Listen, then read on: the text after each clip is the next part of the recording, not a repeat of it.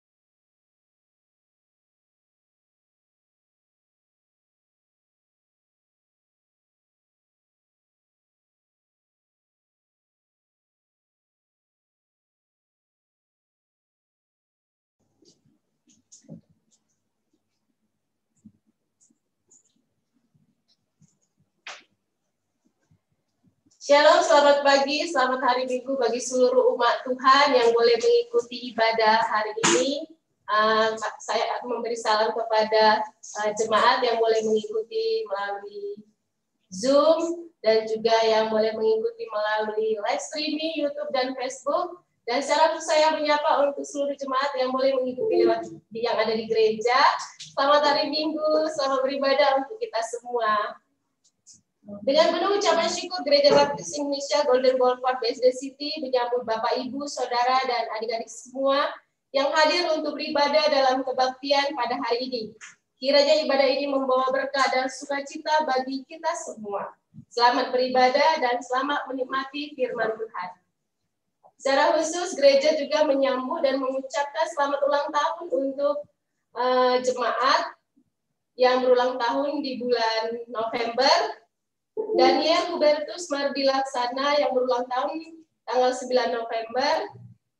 Adik Iskian Yulianto 10 November dan Ibu Trienda Gunarti 13 November. Selamat berulang tahun, Tuhan Yesus memberkati.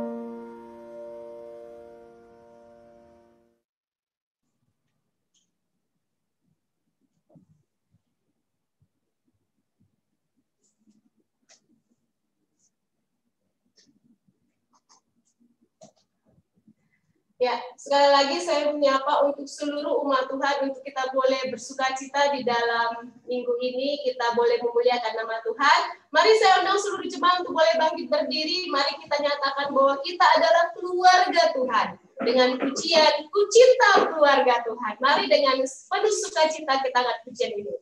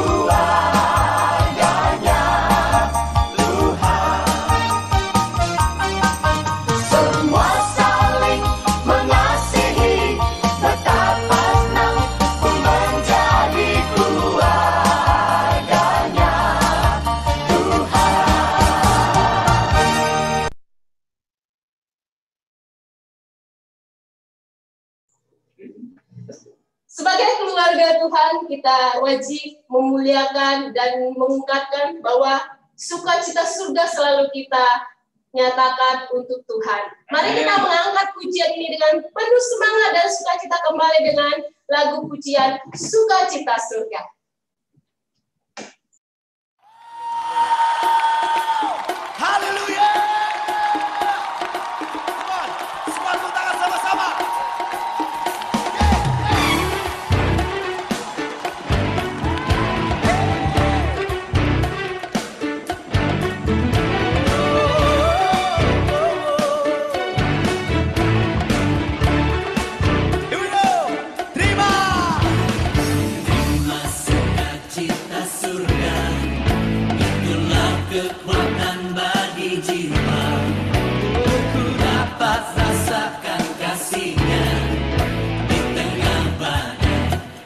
قلبي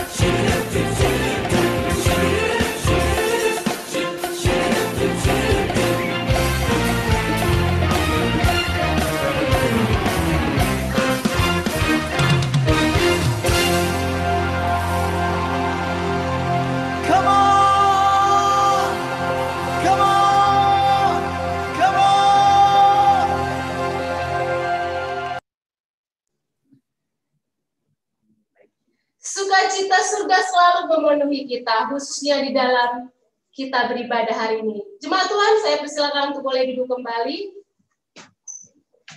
Panggilan berbakti kita diambil dari Habak 2 ayat 20 dan Mazmur 100 ayat 2 sampai 3. Tuhan ada di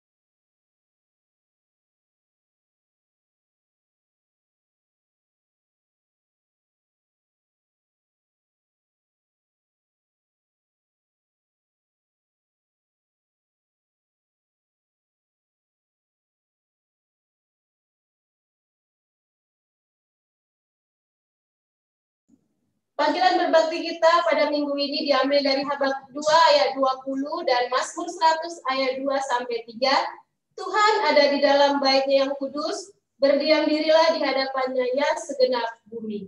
Beribadalah kepada Tuhan dengan sukacita, datanglah ke hadapannya dengan sorak-sorai. Ketahuilah bahwa Tuhanlah Allah, dialah yang menjadikan kita, dan punya dialah kita, umatnya dan kawanan domba gembalaannya kita masih tetap memuliakan nama Tuhan Amen. dengan judul dengan apa akan kubalas. Mari kita mengangkat pujian minimal ini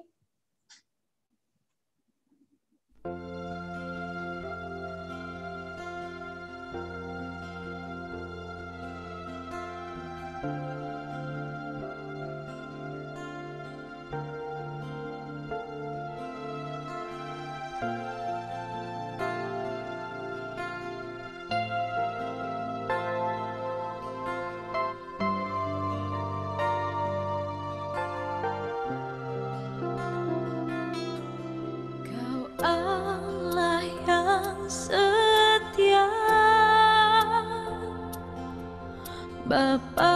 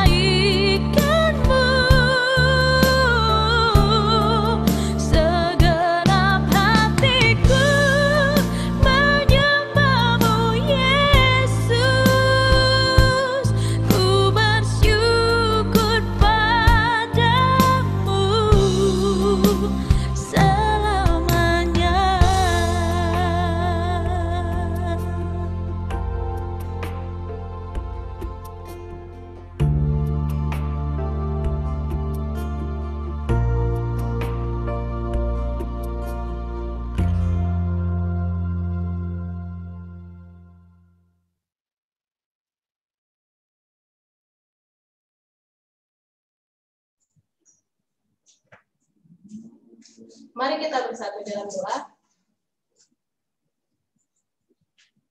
Tuhan Yesus, Kaulah harapan kami. Kaulah hidup kami, hanya di dalammu. Kami mengucap syukur untuk setiap karyamu. Terima kasih untuk setiap kasih dan kemurahanmu dalam setiap hidup kami. Kami bersyukur punya Allah seperti Engkau. Engkau terus mengaruniakan anugerahmu yang besar bagi kami. Untuk kami tetap layak di hadapanmu. Terima kasih Tuhan Yesus untuk penyertaanmu. Terima kasih untuk nafas kehidupan yang sampai saat ini masih kami rasakan. Dan itu semua karena anugerahmu. Hari ini Tuhan Yesus layakkanlah hidup kami supaya kami tetap berkenan di hadapanmu. Berkatilah untuk seluruh umatmu yang beribadah hari ini. Kiranya penyertaanmu, kiranya roh kudusmu boleh hadir di tengah-tengah kami. Walaupun dalam keadaan kami harus beribadah di rumah, tetapi kami tetap percaya Tuhan Yesus hadir di tengah-tengah kami. Berkatilah untuk seluruh umatmu yang mengikuti ibadah melalui YouTube, Facebook, bahkan yang mengikuti melalui Zoom bersama-sama dengan kami seluruh jemaatmu yang hadir di gereja. Kiranya Tuhan Yesus penyertaanmu kami serahkan ke dalam tanganmu. Berkatilah umatmu, berkatilah setiap anak-anak Tuhan yang melayani hari ini. Bahkan hambamu yang akan menyampaikan kebenaran firman-Mu. Terima kasih Tuhan Yesus, kami serahkan waktu yang terus kau berikan bagi kami hari ini supaya kami tetap berbakti dan tetap berkenan untuk memuliakan namamu. Di dalam nama Tuhan Yesus kami berdoa dan mengucap syukur. Haleluya. Amin. Kita masih tetap memuliakan nama pujian ini dengan satu nyanyian pujian dari nomor 40, Ku Cinta Padamu.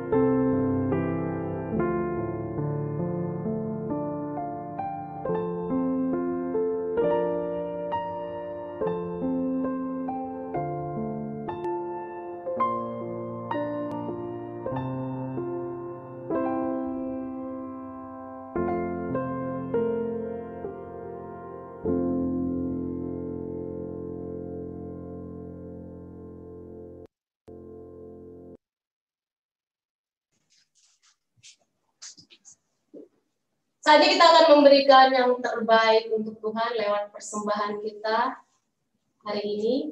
Panggilan memberi dari Mazmur 118 ayat 28 sampai 29. Allahku engkau, aku hendak bersyukur kepadamu. Allahku, aku hendak meninggikan engkau. Bersyukurlah kepada Tuhan, sebab ia baik. Bahwasanya untuk selama-lamanya kasih setianya Dua persembahan akan didoakan oleh Ibu Retno Kusuma Astuti.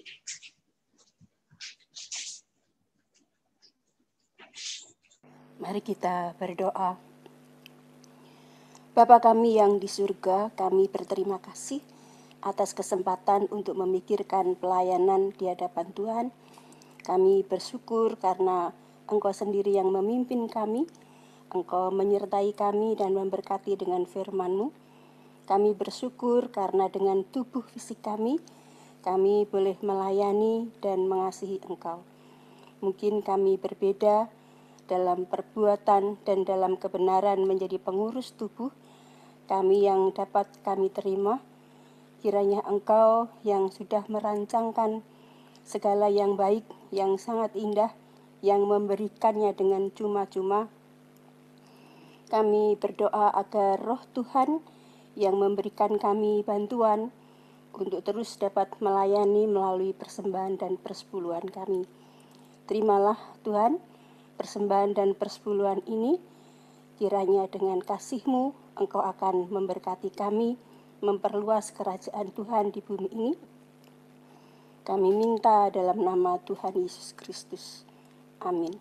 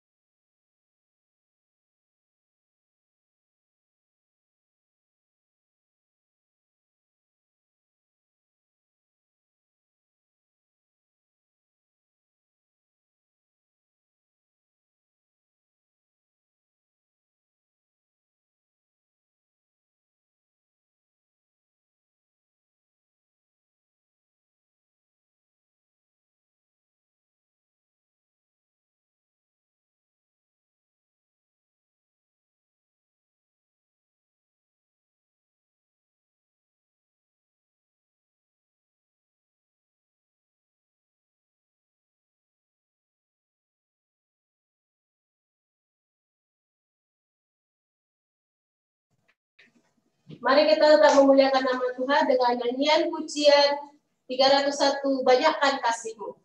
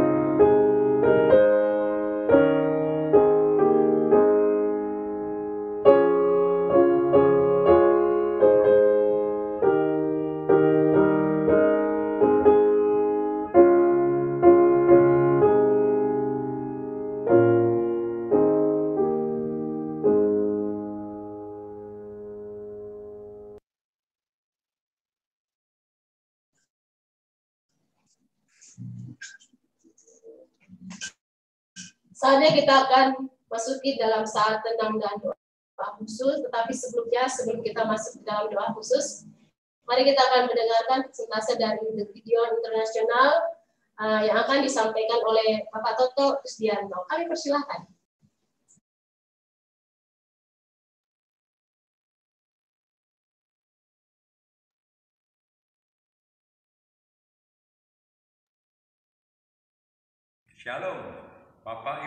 Terkasih di dalam Yesus, video klip singkat ini adalah sekilas tentang pelayanan The Gideons International.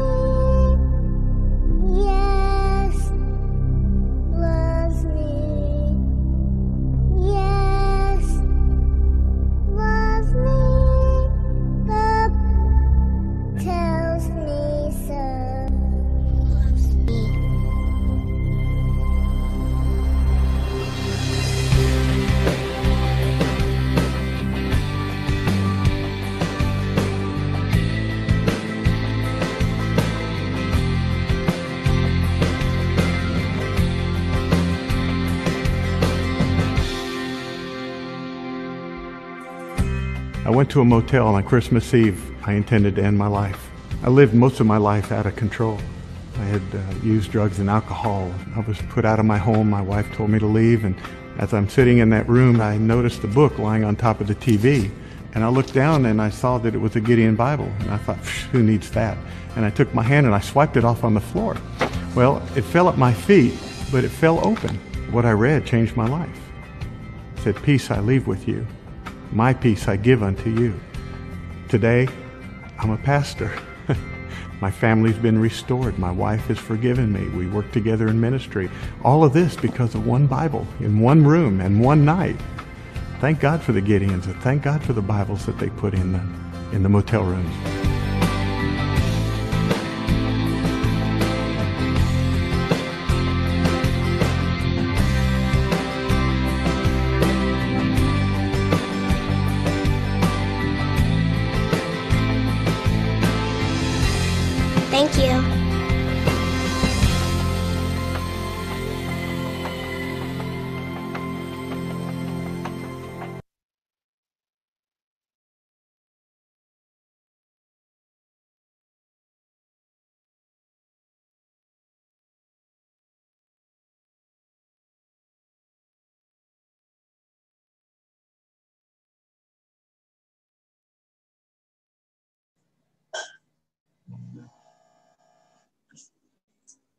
Mari kita akan terus mendukung untuk pelayanan Beyond Internasional yang khususnya kepada Pak Toto dan kita akan doakan terus untuk pelayanan Pak Toto. Saatnya dan tiba kita akan memasuki untuk saat tenang dan doa khusus yang akan didoakan oleh pendeta muda Andreas dan diakhiri dengan nyanyian doa yang Kami persilakan.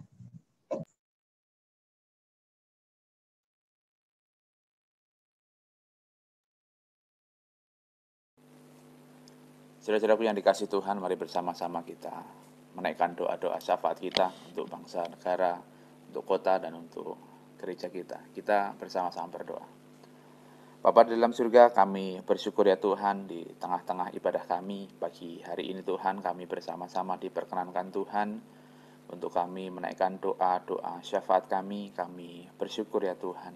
Kami berdoa Tuhan untuk Gereja Baptis Indonesia Golden Boulevard ini ya Tuhan dalam setiap hal yang dilakukan oleh gerejamu ini Tuhan dalam pelayanan, pengabdian eh, setiap jemaatmu Tuhan kami berdoa meminta berkat pimpinan dan penyertaan yang daripada Tuhan.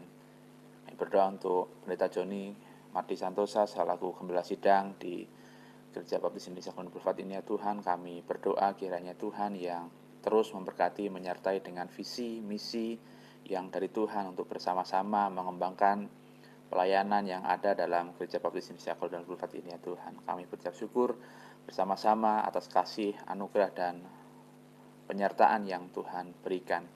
Kami juga berdoa ya Tuhan untuk persekutuan-persekutuan baik eh, PKMP, WPI yang sampai hari ini masih dilaksanakan dalam Zoom melalui online. Kami terus berdoa ya Tuhan agar hal ini juga tidak mengurangi berkat bagi setiap jemaatmu ya Tuhan untuk kami dapat bersama-sama dikuatkan kami berdoa bersama-sama ya Tuhan walaupun kami melalui uh, persekutuan virtual Tuhan tetap memberkati dan menyertai kami dengan persekutuan yang indah di dalam Engkau ya Tuhan. Bapak dalam surga kami berdoa untuk kegiatan-kegiatan gereja yang sampai dengan hari ini dilaksanakan melalui media-media sosial melalui Zoom, melalui YouTube. Kami berdoa ya Tuhan, kiranya Engkau yang memberkati ya Tuhan, memberkati setiap koneksi yang diperlukan, baik dalam gereja, dalam uh, menyelenggarakan siaran, dan juga di setiap rumah-rumah jemaat, kiranya Tuhan yang memberkati, dan kiranya setiap firman Tuhan yang disampaikan dapat diterima dengan baik oleh sidang jemaatmu, dan kami dapat bersama-sama bertumbuh dalam Engkau sebagai Tuhan dan Juru Selamat kami yang hidup. Kami berdoa Tuhan untuk teman-teman kami, saudara-saudara kami yang sakit, kiranya Tuhan yang juga memberkati, menyertai dengan penyertaan yang daripada Tuhan. Kami berdoa untuk Pak Purwanto, berdoa untuk Ibu Suratin, Ibu Elisma Saragi, untuk Ibu Lia, Ibu Vina. Kami berdoa Tuhan kiranya Engkau yang memberkati dengan berkat dan penyertaan yang daripadamu ya Tuhan. Kami juga berdoa untuk pemulihan kesehatan, Pak Jaya Putra, Pak Agus Tiadi, Pak Wiranta, Ibu Popon, Ibu Suprih, kiranya Engkau yang memberkati senantiasa ya Tuhan. Untuk teman-teman, saudara-saudara kami yang sakit ini, kiranya Tuhan jamah, Tuhan sembuhkan, dan Tuhan yang memberikan kesabaran dan penghiburan dalam kehidupan uh, mereka secara pribadi ya Tuhan. Kami juga berdoa untuk sidang jemaatmu yang bekerja sebagai tim medis di rumah sakit. Kami berdoa kiranya Tuhan yang juga memberikan perlindungan, ketika mereka dapat melaksanakan uh, tugas dan tanggung jawabnya ya Tuhan baik sebagai dokter, sebagai perawat, petugas rumah sakit kami berdoa ya Tuhan kiranya Engkau yang memberkati dengan perlindungan, penyertaan dan berkat yang daripada Tuhan supaya mereka terhindar dari uh, virus COVID-19 ya Tuhan. Bapa di dalam surga kami juga berdoa untuk anak-anak muda di gerejamu ya Tuhan. Kiranya Engkau yang memberkati mereka dalam studi mereka, baik dalam SMA, Eh, bangku kuliah. Kami berdoa Tuhan kiranya Tuhan yang memberikan memberikan penyertaan dan berkat. Jadikanlah mereka menjadi anak-anak yang pintar dalam menangkap setiap pelajaran yang disampaikan oleh pembimbingnya ya Tuhan. Kami juga berdoa untuk mereka yang sudah bekerja dan mencari pasangan hidup. Kami terus berdoa ya Tuhan, kiranya Engkau yang juga menjaga kehidupannya ya Tuhan agar terus hidup berkenan di hadapan Tuhan dan Tuhan pertemukan kepada pasangan hidup yang seiman, yang seturut dengan kehendakmu Tuhan yang akan kau percayakan dalam kehidupan mereka. Sertailah mereka juga dalam pekerjaan-pekerjaan yang mereka uh, lakukan saat ini dan kiranya mereka juga dapat diberikan berkat untuk mereka dapat bersifat memiliki sifat yang bertanggung jawab dalam pekerjaannya ya Tuhan. Kami berdoa bersama-sama ya Tuhan untuk uh, rencana pembaptisan hari ini di ini Tuhan untuk Ibu Eva, Saudari Rina, Pak Juni, kami serahkan semuanya ke dalam tangan kuasamu ya Tuhan dan kiranya melalui momen baptisan ini mereka terus diperkenankan Tuhan untuk bertumbuh dalam iman pengharapan di dalam Tuhan saja. Kami juga berdoa untuk Tangerang Selatan ya Tuhan yang kurang lebih satu bulan lagi akan mengadakan pemilihan kepala daerah untuk memilih wali kota. Kami berdoa kiranya Tuhan yang juga memberikan wali kota yang terbaik yang dari Tuhan untuk memimpin kota Tangerang Selatan ini ya Tuhan. Sehingga kota Tang Tangerang Selatan menjadi kota yang maju, kota yang humanis dan bersama-sama menciptakan situasi yang aman dan kondusif di kota Tangerang Selatan ini ya Tuhan. Kami juga berdoa untuk bangsa dan negara kami. Kiranya Tuhan yang juga memberikan berkat, penyertaan, perlindungan bagi mereka yang Tuhan percayakan sebagai pemimpin-pemimpin, baik dalam pemimpin pemerintahan, presiden, wakil presiden, pemimpin lembaga-lembaga, negara, kementerian, DPR, MPR, kiranya Tuhan menyertai, supaya pemerintah kami dan eh, jajarannya Tuhan dapat bersama-sama merumuskan visi misi untuk membangun bangsa ini menjadi lebih baik lagi ya Tuhan. Terima kasih Bapak atas kasih, berkat dan penyertaan-Mu dalam kehidupan kami. Kami serahkan ya Tuhan doa syafaat kami pagi hari ini ke dalam tangan kuasamu. Dalam nama Tuhan Yesus Kristus, Tuhan dan Juru Selamat kami yang hidup, kami mengucap syukur dan kami berdoa. Amin.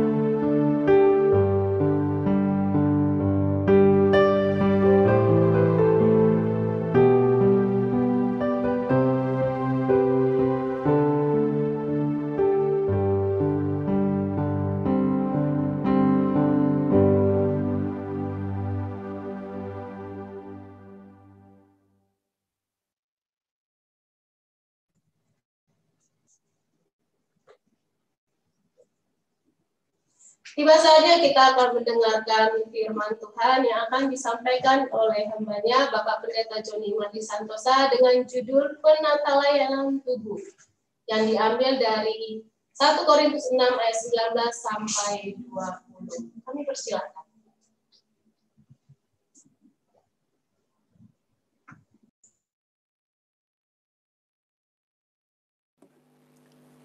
Mari kita membuka kitab suci kita dari surat 1 Korintus pasal 6 ayat 12 sampai ayat 20.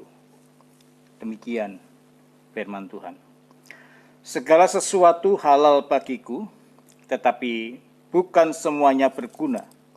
Segala sesuatu halal bagiku, tetapi aku tidak membiarkan diriku diperhamba oleh suatu apa pun Makanan adalah untuk perut dan perut untuk makanan. Tetapi kedua-duanya akan dibinasakan Allah. Tetapi tubuh bukanlah untuk percabulan, melainkan untuk Tuhan, dan Tuhan untuk tubuh. Allah yang membangkitkan Tuhan akan membangkitkan kita juga oleh kuasanya.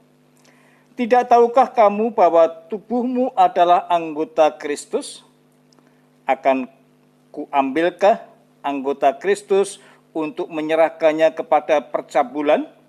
Sekali-kali tidak.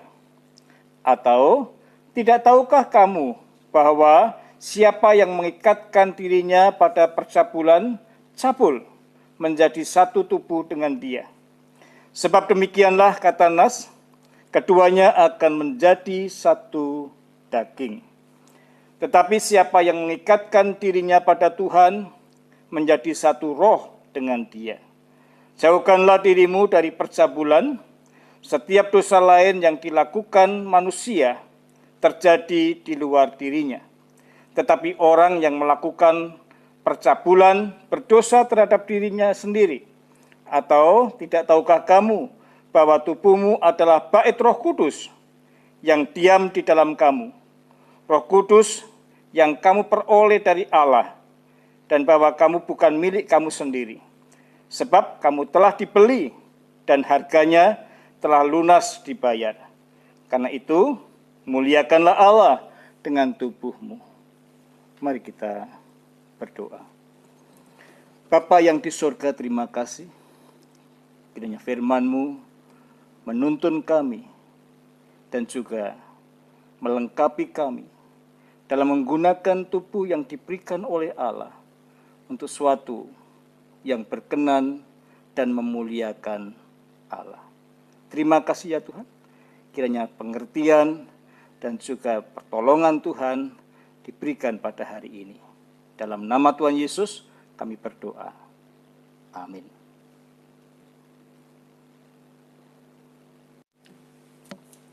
Saudara, Rasul Paulus sangat memandang mulia tubuh kita. Itu sebabnya dia memberikan pesannya dalam tulisan di surat 1 Korintus. Nah, bagaimana tubuh dipakai untuk penata layan kepada Tuhan. Saya ingin mengajak kita ada persoalan yang sering kali muncul dalam kehidupan umat manusia. Mari melihat dalam surat Yakobus pasal 1 ayat 14 dan 15. Tetapi tiap-tiap orang dicobai oleh keinginannya sendiri, karena ia diseret dan dipikat olehnya. Dan apabila keinginan itu telah dibuai, ia melahirkan dosa. Dan apabila dosa itu sudah matang, ia melahirkan maut. Di dalam tubuh ada adalah tempat untuk pikiran kita, untuk batin kita, apakah kita memberikan tubuh kita untuk penata layan kepada Tuhan atau kita membiarkan tubuh kita dengan apa adanya dan dipikat oleh berbagai keinginan yang menyebabkan dosa. Nah, pandangan Kristen mengenai hal ini adalah bahwa tubuh adalah bait Roh Kudus. Pikiran manusia rohania ada di dalamnya. Dalam penata layanan kita kepada Tuhan, ada empat pertanyaan yang akan menolong kita untuk kita dapat memberikan yang terbaik untuk tubuh kita. Yang pertama pertanyaannya adalah tubuh ini kepunyaan siapa? Tubuh adalah milik Tuhan. Inilah sebabnya sejauh menyangkut tubuh kita, kita mempergunakan untuk penata layanan tubuh adalah milik Tuhan. Dia yang merancangnya. Ya. Mari kita melihat dalam kitab Mazmur, Mazmur 139 ayat yang ke-14. Pemazmur mengungkapkan demikian. Aku bersyukur kepadamu oleh karena kejadianku dahsyat dan ajaib. Ajaib apa yang kau buat dan jiwaku benar-benar menyadarinya. Saudaraku yang terkasih, apa yang akan Allah katakan seandainya kita dalam pengetahuan modern, kita tentang anatomi tubuh, kita dibuat dengan yang luar biasa. Tetapi siapa yang merancangkan itu? Tuhan merancangkan sejak awal. Nah, saudaraku yang dikasih Tuhan, tubuh adalah milik Tuhan, sebab Tuhan adalah yang menciptakannya. Mari membuka dalam kitab Kejadian, pasal yang kedua, ayat yang ketujuh. Demikian firman Tuhan. Ketika itulah Tuhan Allah membentuk manusia itu dari debu tanah dan menghembuskan nafas hidup ke dalam hidungnya, demikianlah manusia itu menjadi makhluk yang hidup. Fakta bahwa Tuhan menghembuskan nafas itu yang membuat manusia berbeda dengan binatang atau hewan. Dalam pengertian ini manusia diciptakan menurut gambar Allah. Karena mereka memiliki tubuh hampir sama dengan semua binatang memiliki tubuh. Tetapi perbedaannya adalah Allah menghembuskan nafas. Ada hak istimewa yang diberikan kepada manusia untuk berpartisipasi dalam dunia yang baik yang disiapkan oleh Allah dengan kapasitas untuk dapat membangun dan memiliki persekutuan yang baik dengan Tuhan. Tubuh adalah milik Tuhan karena Tuhan sendiri yang menebusnya. Mari kita lihat dalam kitab Nabi Yesaya pasal 43. Demikian tertulis dalam ayat yang pertama. Tetapi sekarang beginilah firman Tuhan yang menciptakan engkau, hai Yakub, yang membentuk engkau, hai Israel. Janganlah takut, sebab aku telah menebus engkau. Aku telah memanggil engkau dengan namamu, dan engkau ini kepunyaanku. Jadi percayalah pada perkataan-perkataan ini dan tubuh kita itu dan hidup kita itu kudus dan menjadi tempat persemayaman Roh Kudus. Nah, dalam Roma pasal 12 juga dikatakan oleh Rasul Paulus. Mari kita melihat surat Roma pasal 12 ayat yang pertama. Karena itu saudara-saudara, demi kemurahan Allah, aku menasihatkan kamu supaya kamu mempersembahkan tubuhmu sebagai persembahan yang hidup, yang kudus, dan yang berkenan kepada Allah. Itu adalah ibadahmu yang sejati. Nah, pertanyaan yang kedua, tubuh apa itu yang disebut dengan tubuh? Sederhananya Alkitab memberitahu kepada kita bahwa tubuh adalah tempat untuk persemayaman, rumah manusia batiniah kita. Rasul Paulus memberitahu kepada umat Kristen di kota Korintus dalam surat 2 Korintus pasal 5 ayat yang pertama. Demikian. Karena kami tahu bahwa jika kemah tempat kediaman kita di bumi ini dibongkar, Allah telah menyediakan suatu tempat kediaman di sorga bagi kita, yaitu tempat kediaman yang kekal, yang tidak dibuat oleh tangan manusia. Nah, jadi apa itu tubuh? Tubuh adalah tempat tinggal pikiran kita, sifat rasional kita. Dalam catatan penciptaan kita diberitahu dalam kejadian pasal 1 ayat 26. Demikian, berfirmanlah Allah, Baiklah kita menjadikan manusia menurut gambar dan rupa kita, supaya mereka berkuasa atas ikan-ikan di laut, dan burung-burung di udara, dan atas ternak, dan atas seluruh bumi, dan atas segala binatang melata yang merayap di bumi. Diciptakan menurut gambar Allah dan tidak merujuk pada tubuh manusia yang dikatakan Allah adalah roh. Ya. Diciptakan menurut gambar dan rupa Allah.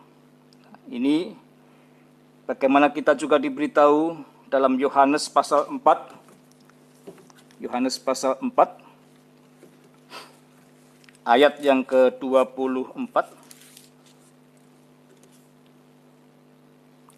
Allah itu roh, barang siapa menyembah dia harus menyembahnya dalam roh dan kebenaran. Jadi pada waktu Allah menciptakan dari debu tanah membentuk tubuh, itu tidak merujuk kepada apa yang ada pada gambar Allah adalah roh. Kalau roh tidak kelihatan. Tapi ini tubuh dimaksud dengan karakter Allah yang diberikan untuk kita, maka haruslah bahwa sifat rasional, moral, dan rohani manusia itu menjadi gambar Tuhan yang menciptakan kita.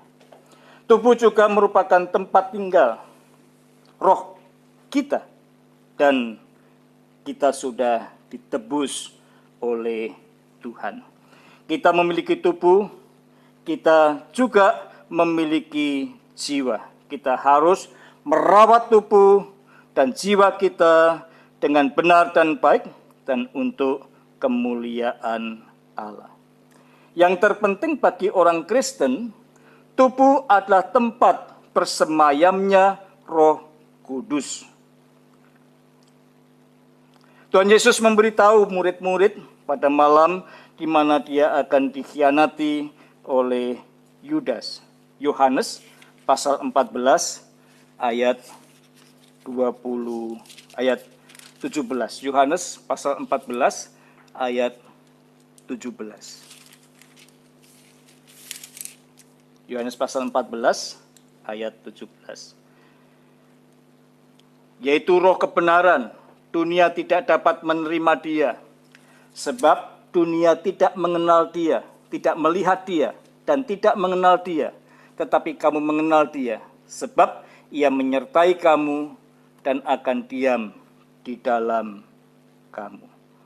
Nah, ini adalah dampak yang sangat penuh atas apa yang tertulis bagaimana kita harus menempatkan sebagaimana Paulus sampaikan, tubuhmu adalah bait persemayaman Roh Kudus.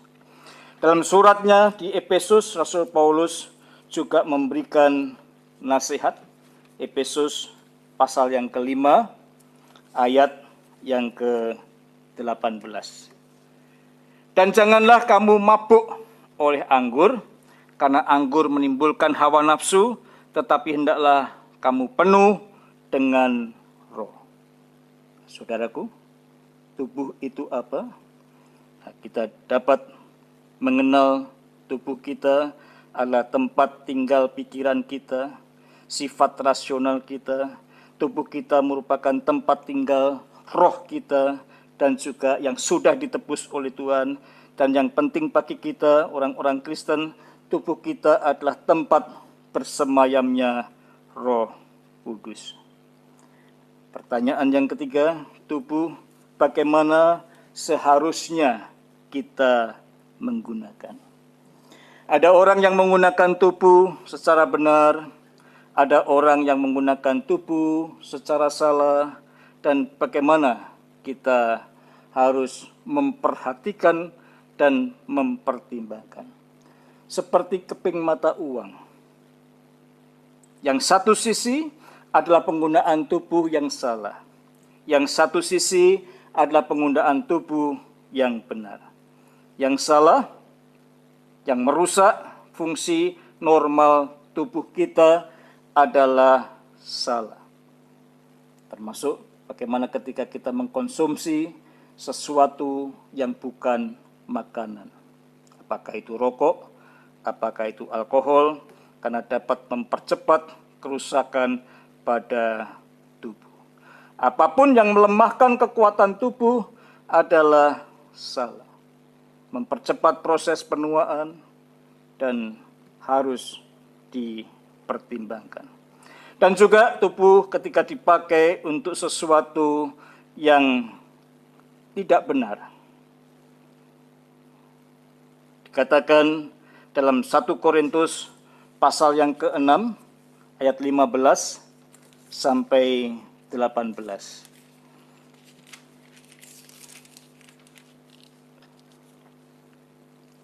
Tidak tahukah kamu bahwa tubuhmu adalah anggota Kristus? Akan kau ambillah anggota Kristus untuk menyerahkannya kepada percabulan? Sekali-kali tidak. Atau tidak tahukah kamu bahwa siapa yang mengikatkan dirinya pada perempuan cabul menjadi satu tubuh dengan dia? Sebab demikianlah kata Nas, keduanya akan menjadi satu daging. Tetapi Siapa yang mengikatkan dirinya dengan Tuhan menjadi satu roh dengan dia. Jauhkanlah dirimu dari percabulan. Siap setiap dosa lain yang dilakukan manusia terjadi di luar dirinya.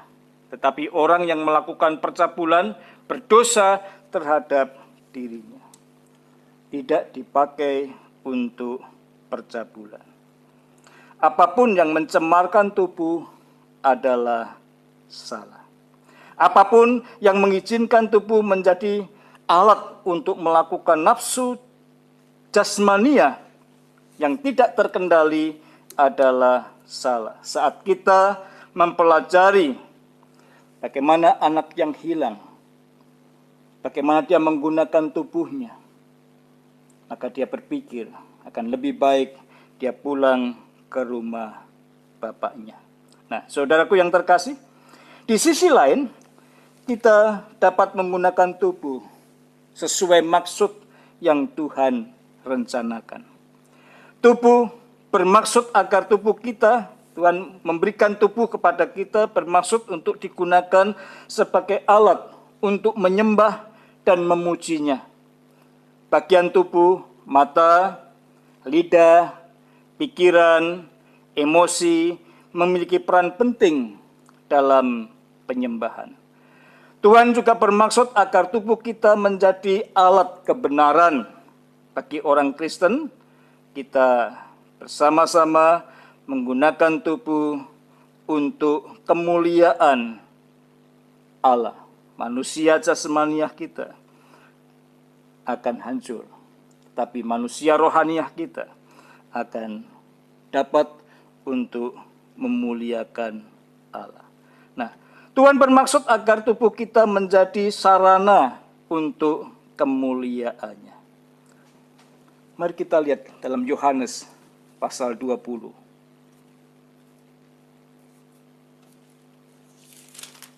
Yohanes 20 ayat 27. Kemudian ia berkata kepada Thomas, taruhlah jarimu di sini dan lihatlah tanganku. Ulurkanlah tanganmu dan cucukkanlah ke dalam lambungku dan janganlah engkau tidak percaya lagi, melainkan percayalah. Tuhan bangkit dan tubuhnya sungguh menjadi kesaksian bahwa apa yang ada, bekas lubang, bekas tumbak itu, bekas paku, masih semua bisa untuk memberikan penguatan. Nah, saudaraku yang terkasih, kita dapat menggunakan tubuh kita untuk melayani dan memuliakan nama Tuhan Yesus Kristus. Saudaraku yang terkasih di dalam Tuhan, tubuh. Apa yang dapat kita pakai untuk tubuh kita? Dalam Injil Yohanes pasal 1 ayat 14 firman itu telah menjadi manusia dan tinggal bersama dengan kita. Firman, kata-kata itu, perkataan itu telah menjadi manusia, memiliki tubuh dan saudara. Pewahyuan Allah yang tertinggi adalah firman telah menjadi manusia. Dan Yesus yang menjadi manusia itu sungguh melakukan pelayanan kepada Bapaknya untuk dapat memberikan yang terbaik melalui tubuhnya untuk menjadi satu kesaksian. Yesus dalam pelayanannya sungguh-sungguh menempatkan tubuhnya dengan sebaik-baiknya. Tidak mencemari dan juga menggunakan untuk pengudusan kepada Bapaknya. Saudara, jadi berbicara ketika kita memberikan penata layanan melalui tubuh kita, Rasul Paulus menuliskan kepada orang-orang Kristen di Korintus dalam suratnya 1 Korintus pasal yang ke-15 ayat 42 dan 44 demikian. Demikianlah pula halnya dengan kebangkitan orang mati. Ditaburkan dalam kebinasaan, dibangkitkan dalam ketidakbinasaan. Ditaburkan dalam kehinaan, dibangkitkan dalam kemuliaan. Ditaburkan dalam kelemahan, dibangkitkan dalam kekuatan. Yang ditaburkan adalah tubuh alamiah, yang dibangkitkan adalah tubuh rohania. Jika ada tubuh alamiah, maka ada pula tubuh rohania. Jadi ada tubuh rohania, tubuh yang akan dibangkitkan dan akan mendapat kekekalan. Dalam perjanjian baru mengatakan bahwa dengan kasih karunia Allah kita memiliki sarana dengan kita dan itu dapat sungguh-sungguh menghubungkan persekutuan kita.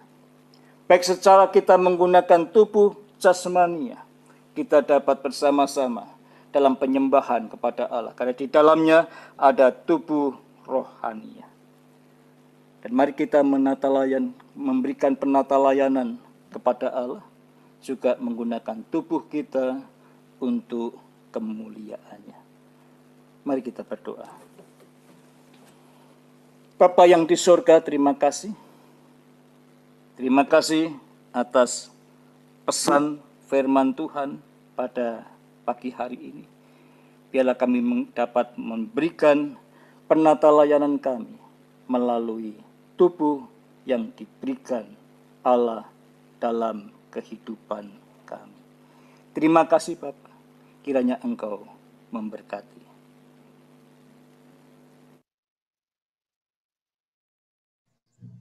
Bapak Ibu yang kasih Tuhan bisa memberikan kesempatan undangan untuk hal ini. Apakah kita dapat memberikan tubuh kita untuk pelayanan.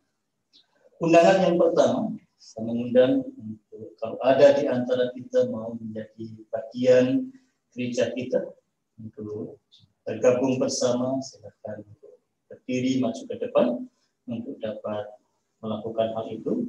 Yang kedua, kita akan undang juga kalau ada yang mau berkomitmen, silakan untuk mengambil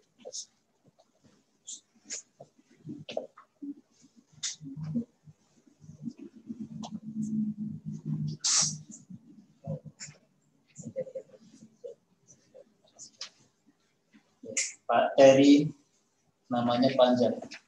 Namanya Ronald Rulan Amusu. Asmur, Asmur, Asmur, panjang. Ronald, ya, ya, namanya Ronald Roland Asmur. Kita panggil Terry, yang lebih gampang, ya, dan bersama-sama dengan kita untuk melayani. Mari kita berdoa. Kalau ada yang lain, kita nyanyi lagu pujian kita akan bersama-sama. Mari kita berdiri bersama-sama.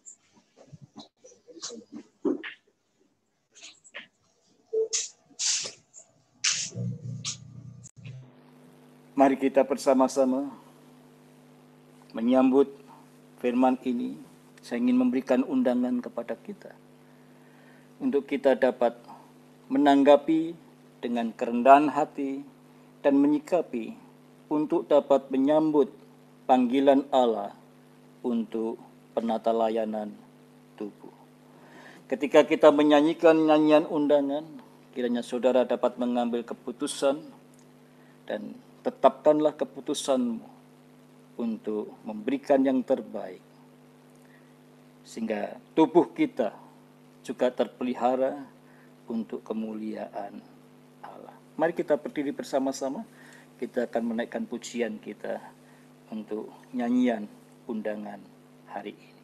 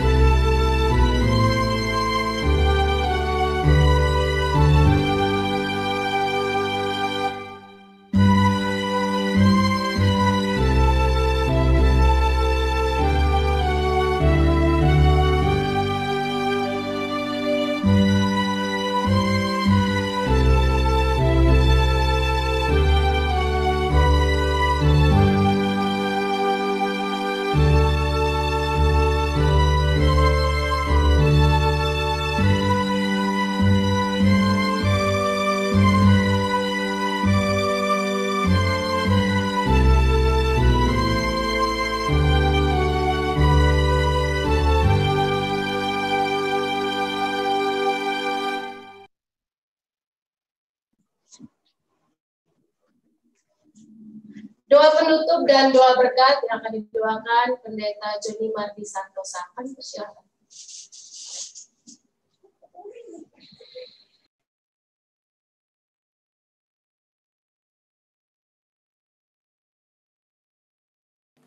Mari kita berdoa. Bapa yang di sorga, terima kasih. Kami bersyukur Tuhan atas kesempatan berbakti pada hari ini. Sebelum kami meninggalkan ruangan ini kiranya Engkau berkenan untuk memberkati setiap anak-anakmu dengan curahan berkat dari surga.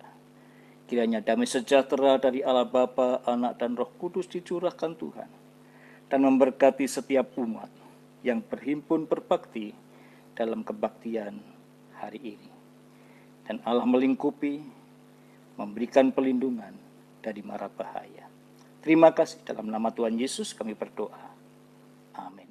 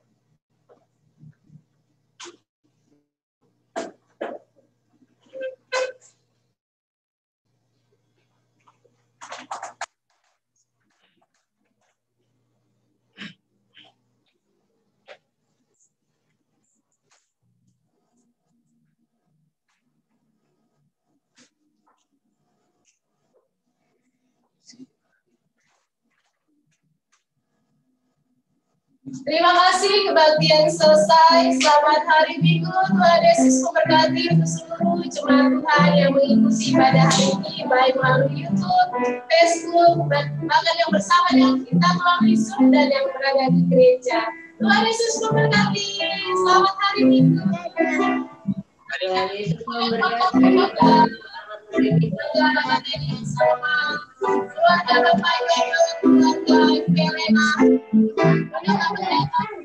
Sangga. Halo. Halo. Kami Beren.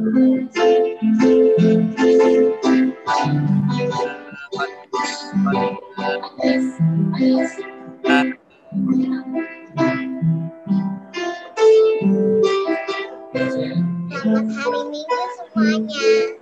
Selamat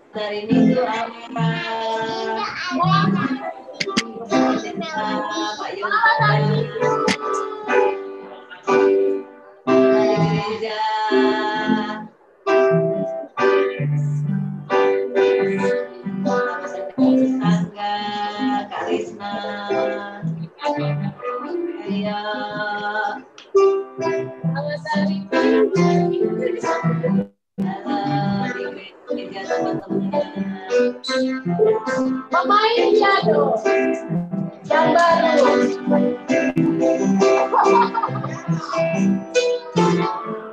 Thank you.